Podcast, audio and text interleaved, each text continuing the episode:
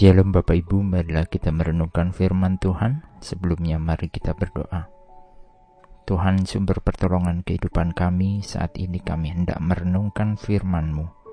Kiranya roh kudus pimpin kami. Dalam nama Tuhan Yesus kami berdoa dan bersyukur.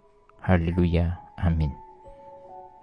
Bacaan saat ini diambil dari Yeremia 17 ayat 5 hingga 8 Yeremia 17 ayat 5 hingga 8. Beginilah firman Tuhan. Terkutuklah orang yang mengandalkan manusia, yang mengandalkan kekuatannya sendiri, dan yang hatinya menjauh daripada Tuhan. Ia akan seperti semak bulus di padang belantara. Ia tidak akan mengalami datangnya keadaan baik. Ia akan tinggal di tanah angus di padang gurun di negeri padang asing yang tidak berpenduduk. Diberkatilah orang yang mengandalkan Tuhan, yang menaruh harapannya pada Tuhan. Ia akan seperti pohon yang ditanam di tepi air, yang merambatkan akar-akarnya ke tepi batang air, dan tidak mengalami datangnya panas terik, yang daunnya tetap hijau, yang tidak khawatir dalam tahun kering, dan yang tidak berhenti menghasilkan buah.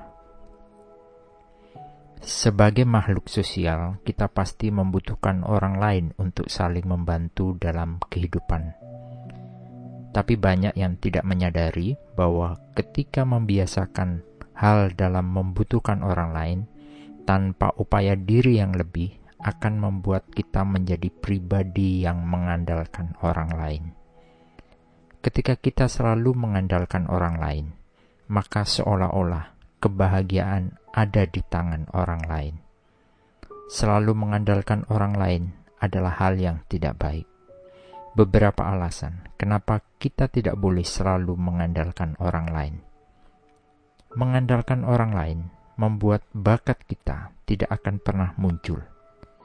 Mengandalkan orang lain membuat kita menjadi pribadi yang lemah karena ketergantungan kita kepada orang lain kita merasa tidak bisa melakukan apa-apa tanpa orang lain. Dan yang buruk kemudian adalah membuat kita pribadi yang malas dan tidak inisiatif.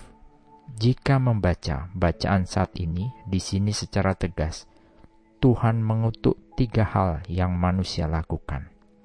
Yang pertama, orang yang mengandalkan manusia. Kenapa kita tidak boleh mengandalkan manusia? Karena manusia adalah makhluk yang mengecewakan. Manusia sering mengingkari kata-katanya, bahkan janjinya sendiri. Bukankah kita sering menemukan hal demikian dalam hidup kita?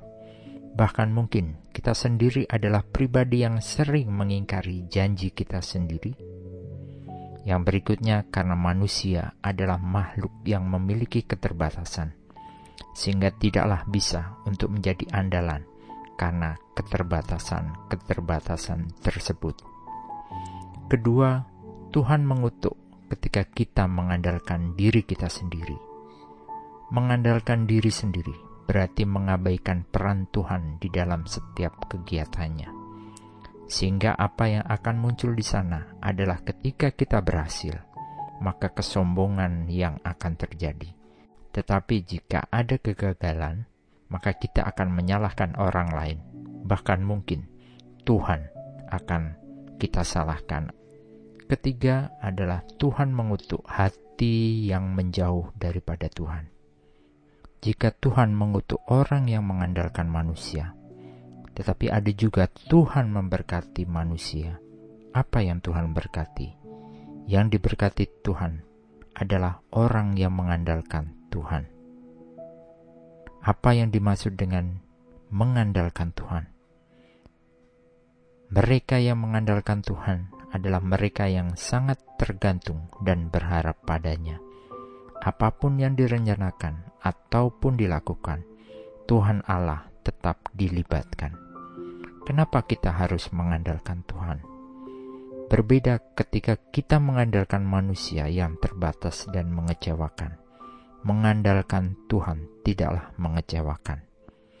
Ketika kita mengandalkannya, maka bagaikan pohon di tepi air, yang berarti mudah menjalani kehidupan dan tidak mengalami kekurangan.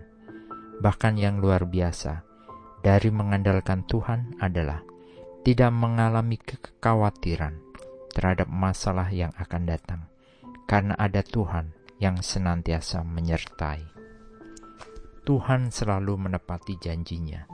Dia tidak pernah mengingkari janjinya.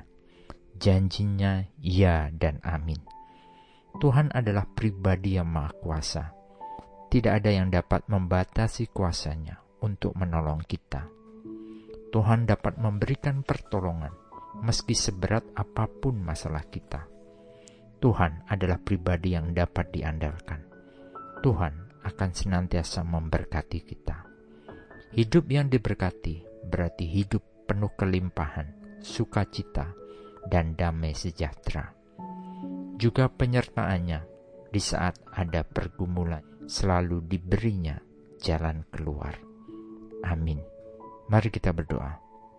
Bapa Surgawi, Engkau Tuhan yang tidak pernah berubah. Ampuni kami ketika kami berjalan jauh daripadamu, mengandalkan kemampuan kami sendiri, dengan bergantung pada perbuatan daging kami. Ajari kami untuk menjaga mata hati kami, untuk tetap tertuju pada Tuhan Yesus. Dalam nama Tuhan Yesus kami memohon. Amin. Tuhan Yesus memberkati. Shalom.